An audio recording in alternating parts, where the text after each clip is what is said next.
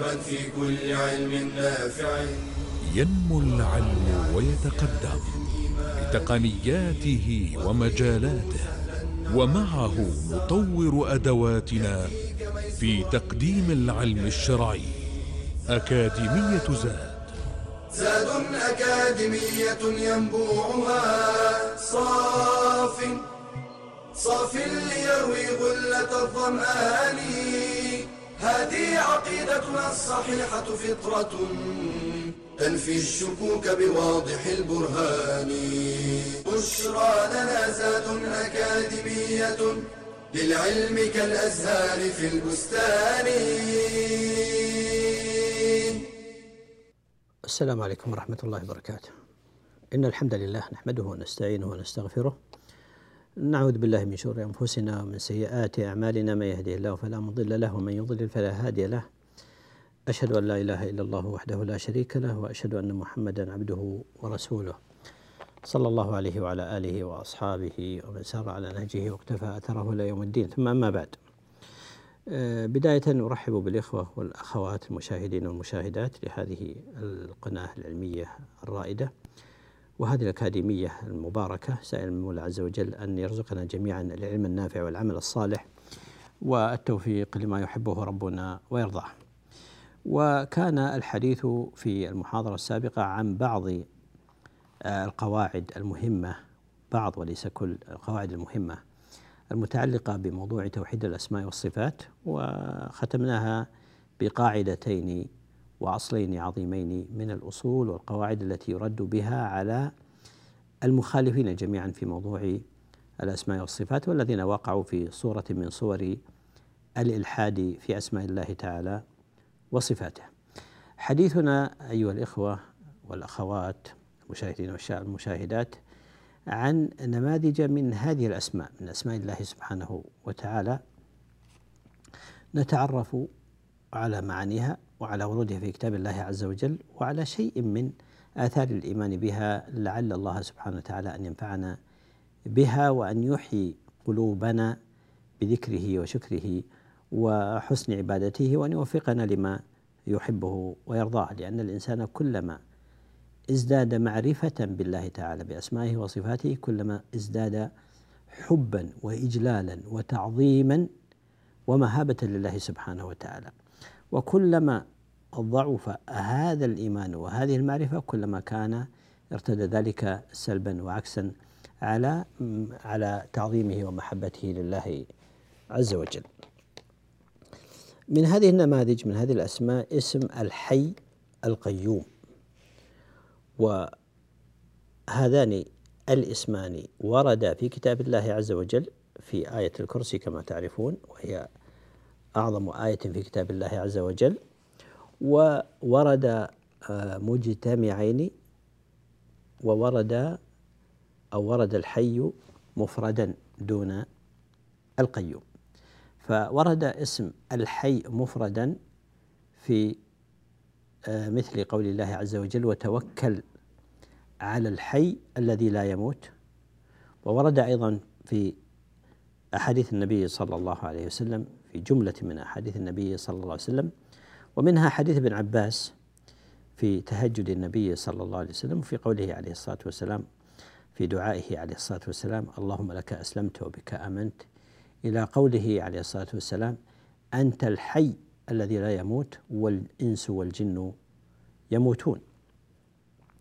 وورد هذا الاسم مقترنا بالقيوم كما قلنا في آية الكرسي وفي غيرها من الآيات في ثلاث آيات وعنت الوجوه للحي القيوم وغيرها من الآيات. وكذلك في الأحاديث كما جاء في حديث ابن عباس أيضا في قوله صلى الله عليه وسلم لك الحمد أنت قيم السماوات والأرض ومن فيهن وفي رواية قيام السماوات والأرض ومن فيهن وهو بمعنى القيوم كما هو آه، معروف.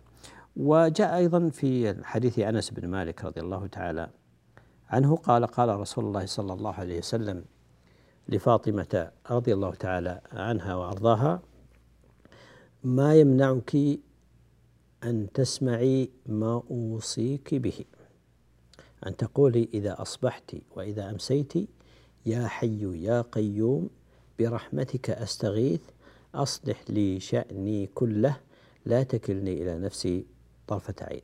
هذا من الدعاء الذي علم النبي صلى الله عليه وسلم ابنته فاطمة رضي الله تعالى عنه بهذا آه، الدعاء. وجاء أيضا بألفاظ أخرى بك أستغيث وغيرها من آه، الأحاديث الكثيرة في هذا المعنى.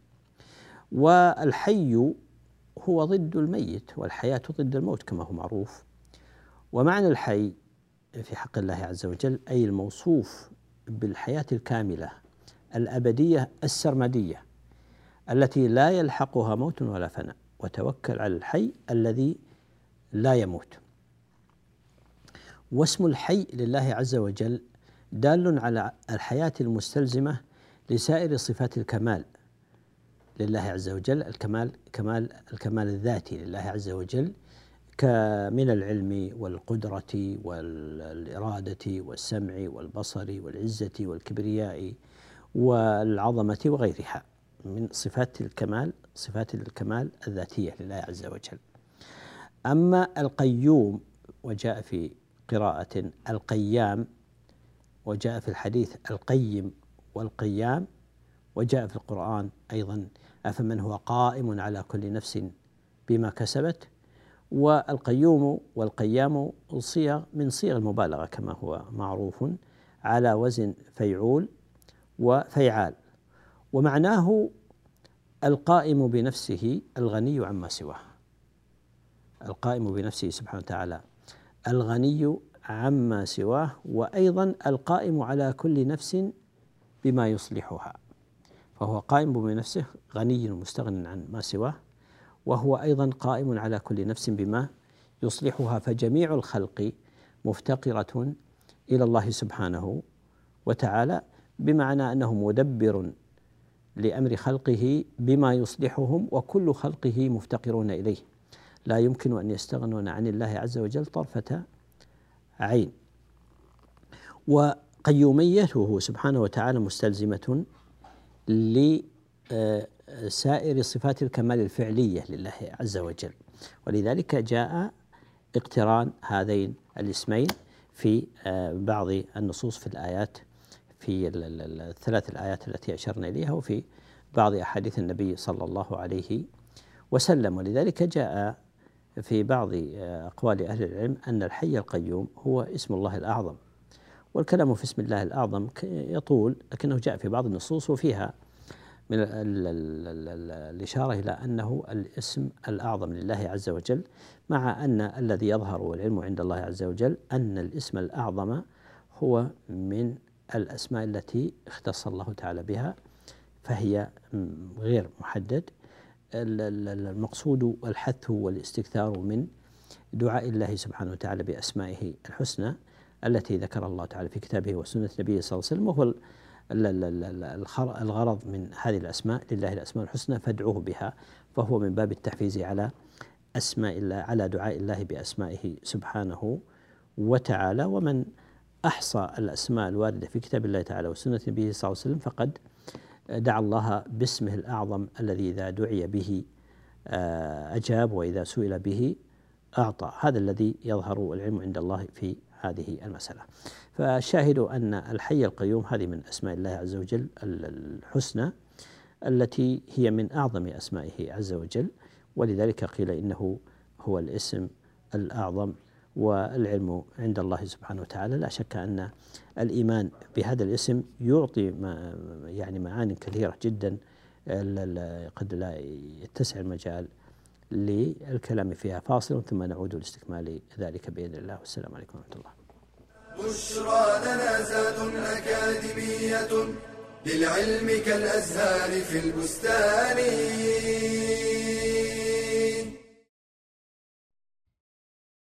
العلم مراتب فمنه فرض عين وهو تعلم ما لا يتأدى الواجب إلا به كتعلم صفة الوضوء والصلاة. ومنه فرض كفاية كعلوم الحديث ومنه نفل كالتبحر في أصول الأدلة. فلا بد من التدرج فيه خطوة خطوة فإن من رام أخذه جملة ذهب عنه جملة. ولكن الشيء بعد الشيء مع الليالي والأيام. ونراعي الأولويات في التعلم. فنبدأ بالعلوم الأصلية كالتفسير والفقه قبل علوم الآلة كمصطلح الحديث وأصول الفقه. ونبدأ بتعلم الفروض قبل النوافل. وفي الحديث القدسي ما تقرب إلي عبدي بشيء أحب إلي مما افترضت عليه. وقد قيل من شغله الفرض عن النفل فهو معذور ومن شغله النفل عن الفرض فهو مغرور. ونبدأ بالأسهل قبل الأصعب وبالمختصرات قبل المطولات. قال تعالى كونوا ربانيين. والرباني الذي يربي الناس بصغار العلم قبل كباره. ونبدأ بتعلم ما يترتب عليه ثمرة قبل المسائل النظرية البحتة. ونبدأ بالتعلم قبل التصدر للتعليم. فإن فاقد الشيء لا يعطيه. ونهتم بالفهم والتدبر. ولا نقتصر على الحفظ والتلقين. فتدرج في طلب العلم حتى تكون من الراسخين. قال صلى الله عليه وسلم من يرد الله به خيرا يفقهه في الدين.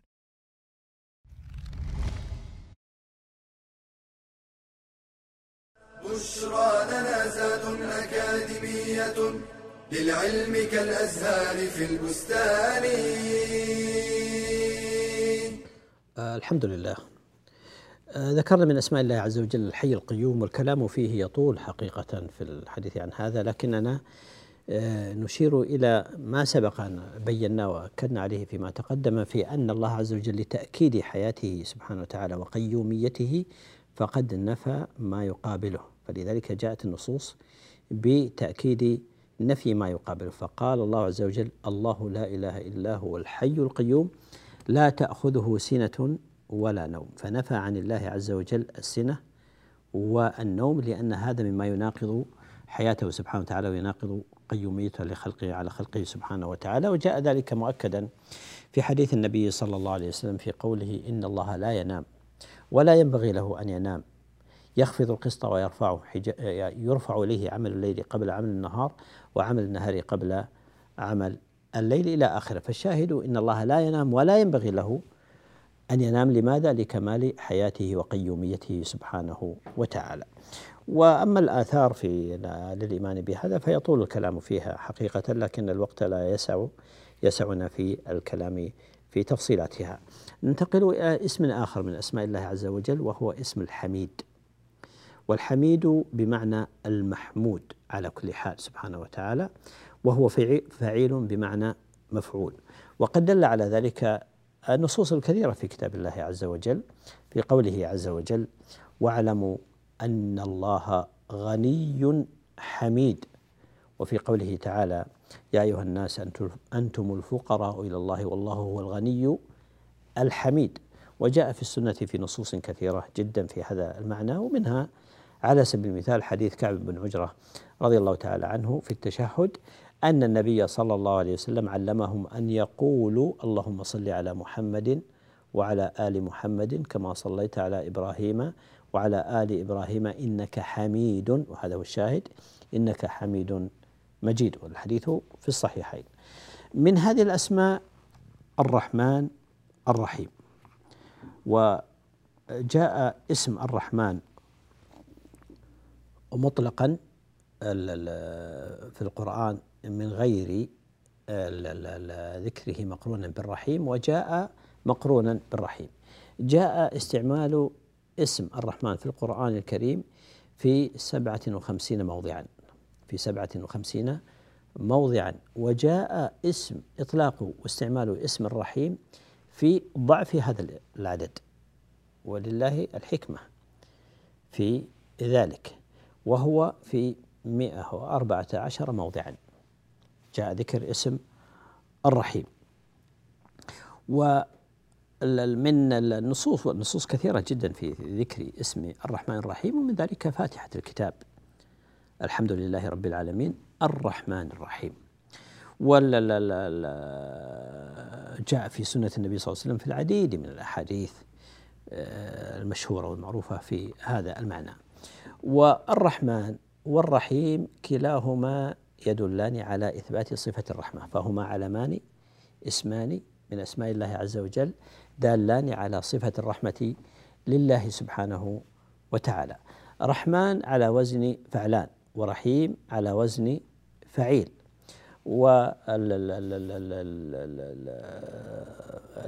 وصيغة فعلان أبلغ من صيغة رحيم. وكما قلت إن هذا الاسم جاء مفردا ومقترنا بالرحيم.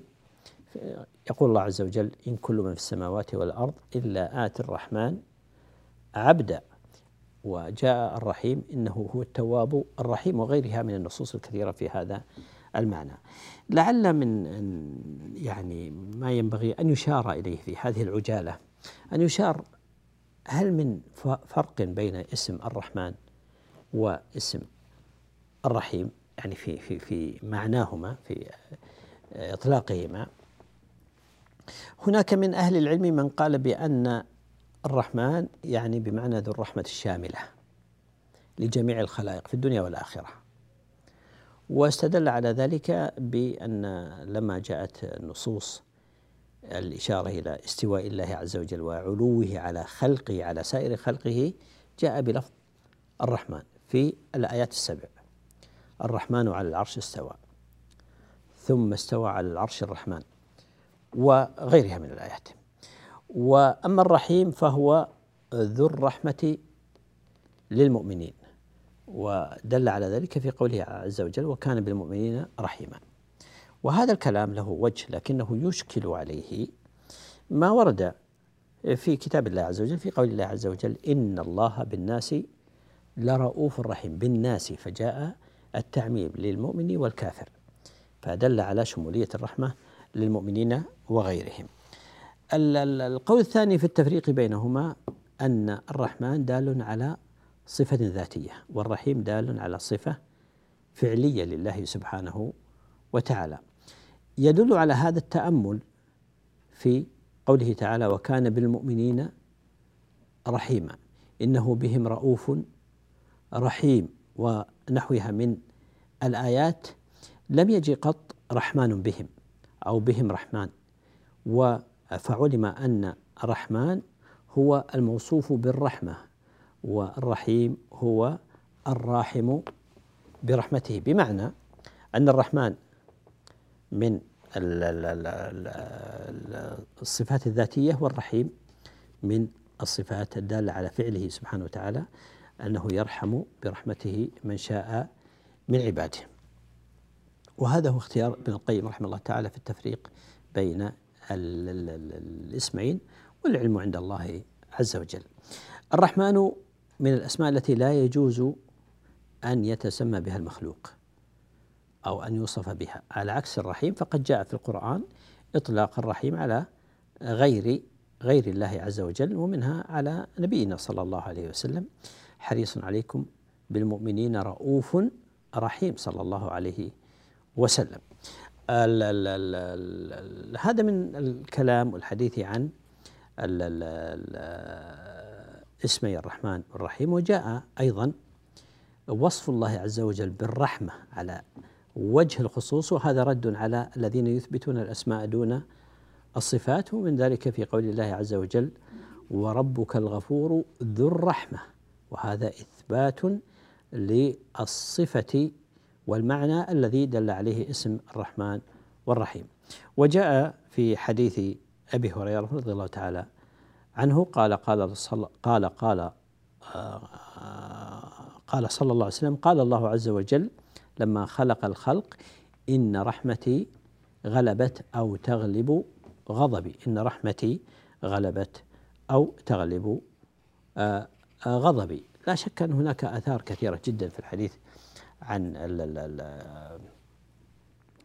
ال ال إثبات اسمي الرحمن والرحيم وما دل دل عليهم دلتا عليه من معنى الرحمة والكلام فيها يطول وكذلك بالنسبة لآثارها والأحكام المترتبة عليها. ننتقل إلى اسم آخر من أسماء الله عز وجل وهو الحليم. الحليم والحلم هو نقيض السفه. والحليم اسم فاعل آه، من حلم. اسم الحليم لله عز وجل طبعا معناه في حق الله عز وجل حليم بمعنى ذو أنات فلا يعجل على عباده العقوبة عز وجل. وبمعنى الذي يحلم له الحلم الكامل سبحانه وتعالى الذي وسع حلمه أهل الكفر والفسوق والعصيان حيث أمهلهم تعالى ولم يعجلهم, بالعقوبة رجاء أن يتوبوا ولو شاء الله عز وجل لأخذهم بذنوبهم.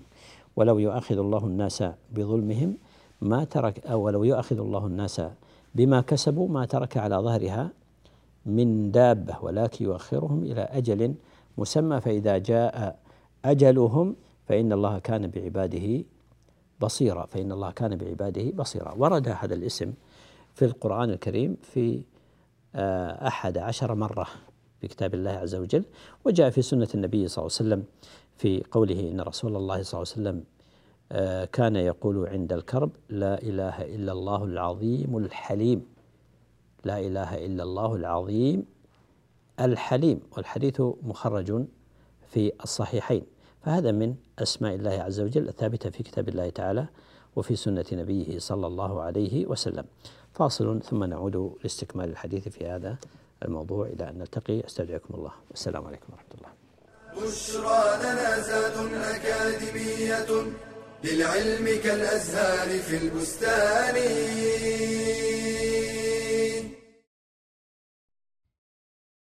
فارق كبير بين من يسافر لنزهة سياحية أو لمشاهدة مباراة وبين من يسافر لطلب العلم. فالرحلة لطلب العلم موصلة إلى سعادة الأبد. قال النبي صلى الله عليه وسلم من سلك طريقا يلتمس فيه علما سهل الله له به طريقا إلى الجنة. وبالرحلة يلقى الطالب العلماء وينوع المشايخ ويقارن بين المناهج ويجدد نشاطه ويزيد خبراته. قال الشعبي لو أن رجلا سافر من أقصى الشام إلى أقصى اليمن فحفظ كلمة تنفعه رأيت أن سفره لا يضيع. وهل من شيء أشرف من العلم يرحل في طلبه؟ وقد رحل موسى عليه السلام في ذلك رحلة شاقة. وإذ قال موسى لفتاه لا أبرح حتى أبلغ مجمع البحرين أو أمضي حقبا. ورحل الصحابة والعلماء من بعدهم في طلب العلم المسافات حتى سافر بعضهم شهرا في طلب حديث واحد وقطع بعضهم في طلبه أكثر من خمسة آلاف كيلو. سيرا على قدميه. فإن عجزت عن الرحلة في طلب العلم فلا أقل من التعلم عبر الشبكات والشاشات. قال النبي صلى الله عليه وسلم سددوا وقاربوا والقصد القصد تبلغوا.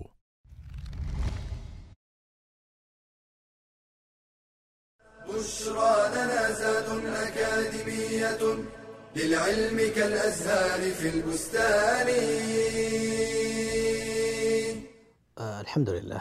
أجدد الترحيب بالإخوة المشاهدين والمشاهدات ونستكمل الحديث عن ما ذكرناه قبل الفاصل حين ذكرنا نماذج من أسماء الله عز وجل آه الحسنى كالحي القيوم والرحمن الرحيم والحليم. ونشير هنا إلى آه، نماذج أيضا. ولا نحيط بجميع صفات الله عز وجل ولا الكلام فيها ولكن نذكر نماذج فقط من هذه آه، الصفات الثابتة لله عز وجل. من هذه الصفات صفة القدرة لله عز وجل ومعلوم أن القدرة ضد العجز. فالله سبحانه وتعالى قادر لا يعجزه شيء ولا يفوته مطلوب سبحانه وتعالى. ومن أسمائه سبحانه وتعالى القدير والقادر والمقتدر. جاء ذكر القدير في القرآن الكريم في آه، خمس وأربعين مرة. جاء القادر في بصيغة الإفراد وبصيغة الجمع في اثنى عشر اثنتا عشرة مرة. وصيغة الجمع منها خمس مرات. المقتدر جاء في أربع مواضع إن المتقين في جنات ونهر في مقعد صدق عند مليك مقتدر. نسأل الله الكريم. من فضله. هذه القدرة هي صفة ذاتية لله عز وجل من صفاته عز وجل الثابتة بالكتاب والسنة. ومعنى ذاتية أي أنها ملازمة لذات الله عز وجل لا تنفك آه، عنه سبحانه وتعالى. والنصوص فيها كثيرة جدا. جاء في السنة من ذلك حديث العثمان بن أبي العاص رضي الله تعالى عنه أنه شكى إلى النبي صلى الله عليه وسلم وجعا يجده في جسده آه، منذ أسلم فقال له رسول الله صلى الله عليه وسلم وهذه آه، صورة من صور التداوي النبوي والتوجيه النبوي في التداوي. قال صلى الله عليه وسلم ضع يدك على الذي تألم من جسدك وقل بسم الله ثلاثا وقل سبع مرات أعوذ بعزة الله وقدرته مما أجد من شر ما أجد وأحاذر أعوذ بعزة الله وقدرته من شر ما أجد وأحاذر سبع مرات. بعد أن يقول بسم الله ثلاث مرات يضع يده على مكان الألم ثم يقول أعوذ بعزة الله وقدرته من شر ما أجد وأحاذر والحديث مخرج في الصحيح في صحيح مسلم. والشاهد منه وقدرته إثبات القدرة لله عز وجل صفة القدرة لله عز وجل. وجاء في حديث أبي مسعود البدري رضي الله تعالى عنه لما ضرب غلامه فقال له النبي صلى الله عليه وسلم اعلم أبا مسعود أن الله أقدر عليك منك على هذا الغلام. وهذا توجيه نبوي النبي صلى الله عليه وسلم والحديث في في مسلم أيضا. فالقدرة هي من أسماء الله عز وجل من صفات الله عز وجل الثابتة ودل عليها أيضا جاء إطلاق اسم العلي القدير والقادر والمقتدر عليه سبحانه وتعالى من أسمائه الدالة على صفات القدرة لله عز وجل. من صفاته سبحانه وتعالى العلم والعلم هو نقيض الجهل كما هو معروف.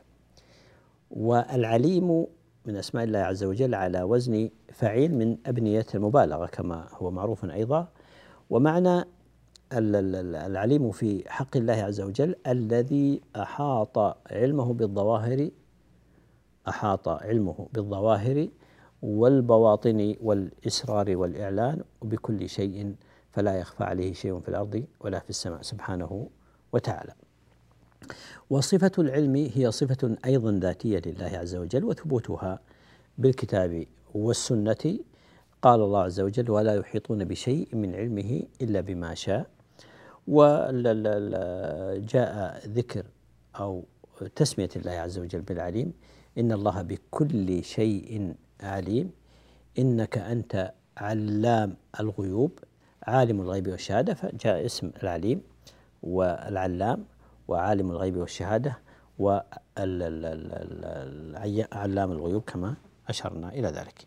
جاء أيضا في السنة ذكر هذه آه، الصفة ومن ذلك حديث جابر رضي الله تعالى عنه آه، أن النبي صلى الله عليه وسلم كان يعلمهم أن يقولوا في الاستخارة اللهم إني أستخيرك بعلمك. وهذا إثبات لصفة العلم لله عز وجل. اللهم إني أستخيرك بعلمك وأستقدرك بقدرتك. وهذا إثبات لصفة القدرة التي سبق الإشارة إليها. الإمام البخاري رحمه الله تعالى ذكر في صحيحه في كتاب التوحيد والأصل في كتاب التوحيد في البخاري هو الرد على الجهمية نفاة الصفات نفاة الصفات. فلذلك قال في كتاب التوحيد باب باب قول الله عز وجل عالم الغيب فلا يظهر على غيبه احدا وإن الله عنده علم الساعة وأنزله بعلمه وما تحمل من أنثى ولا تضع إلا بعلمه وإليه يرد علم الساعة. فأراد رحمه الله تعالى والعلم عند الله آه، بيان ثبوت صفة العلم لله سبحانه وتعالى باختيار هذه الآيات المتنوعة الداله على إثبات علم الله عز وجل. وعلمه سبحانه وتعالى محيط شامل كامل. إنما إلهكم الله الذي لا إله إلا هو وسع كل شيء علما سبحانه وتعالى. وأن الله قد أحاط بكل شيء علما أيضا من الصفات ولعلنا نختم بها صفة الإرادة لله عز وجل. والإرادة كما هو معروف في القرآن وفي الشرع الإرادة إرادتان إرادة دينية شرعية وإرادة كونية قدرية. الإرادة الكونية القدرية هي المرادفة للمشيئة. الإرادة الدينية الكونية القدرية هي المرادفة للمشيئة وهي المستلزمة للوقوع. إنما أمره إذا أراد شيئا أن يقول له كن فيكون فإذا أراد شيئا كان فعال لما يريد سبحانه وتعالى. هذه الإرادة الكونية القدرية وهي المرادفة للمشيئة. أما الإرادة الدينية الشرعية فهي المستلزمة للمحبة والرضا. ولا يلزم من ذلك أن تقع أو لا تقع. كطاعة العاصي وإيمان الكافر فالله يريد بكم اليسر ولا يريد بكم العسر. فهذا إرادة دين وشرع. ولا يلزم من ذلك الوقوع إنما يلزم من ذلك المحبة والرضا. الإرادة هي صفة فعلية ثابتة بالكتاب والسنة والصفات الفعلية هي متعلقة بمشيئة الله عز وجل كما قلنا وقدرته. إن شاء فعلها وإن لم يشاء لم يفعلها فمن يريد الله أن يهديه يشرح صدره للإسلام ومن يريد أن يضله يجعل صدره ضيقا حرجا كأنما يصعد في السماء. وجاء إثباتها في السنة من حديث عبد الله ابن عمر رضي الله تعالى عنهما قال سمعت رسول الله صلى الله عليه وسلم يقول إذا أراد الله بقوم عذابا أصاب العذاب من كان فيهم. ثم بعثوا على أعمالهم. ثم بعثوا على أعمالهم. إذا أراد الله بقوم عذابا نسأل الله العافية واللطف. واتقوا فتنة لا تصيبن الذين ظلموا منكم خاصة. إذا أراد الله بقوم عذابا أصاب العذاب من كان فيهم. ثم بعثوا على أعمالهم. لماذا؟ لأنه ولا يظلم ربك أحدا. نعم قد يشملهم العذاب في الدنيا لكن في الآخرة يبعثون على أعمالهم ولا يظلم أحد. هذا من كمال عدله سبحانه وتعالى. هذا ما يتعلق بصفة الإرادة لله عز وجل. الكلام فيها وفي أثارها يطول لكن لعلنا نكتفي بهذا القدر إلى أن نلتقي بكم مرة أخرى. أستودعكم الله الذي لا تضيع ودائعه. سبحانك اللهم وبحمدك. أشهد أن لا إله إلا أنت أستغفرك وأتوب إليك. والسلام عليكم ورحمة الله وبركاته. وجزاكم الله خيرا على حسن استماعكم. سائل المولى عز وجل أن يجعلنا ممن يستمعون القول فيتبعون أحسنه. والسلام عليكم ورحمة الله وبركاته. تلك العلوم دروسها ميسورة في صرح علم الراسخ الأركان. بشرى لنا بشرى لنا بشرى لنا زاد أكاديمية. للعلم كالأزهار في البستان.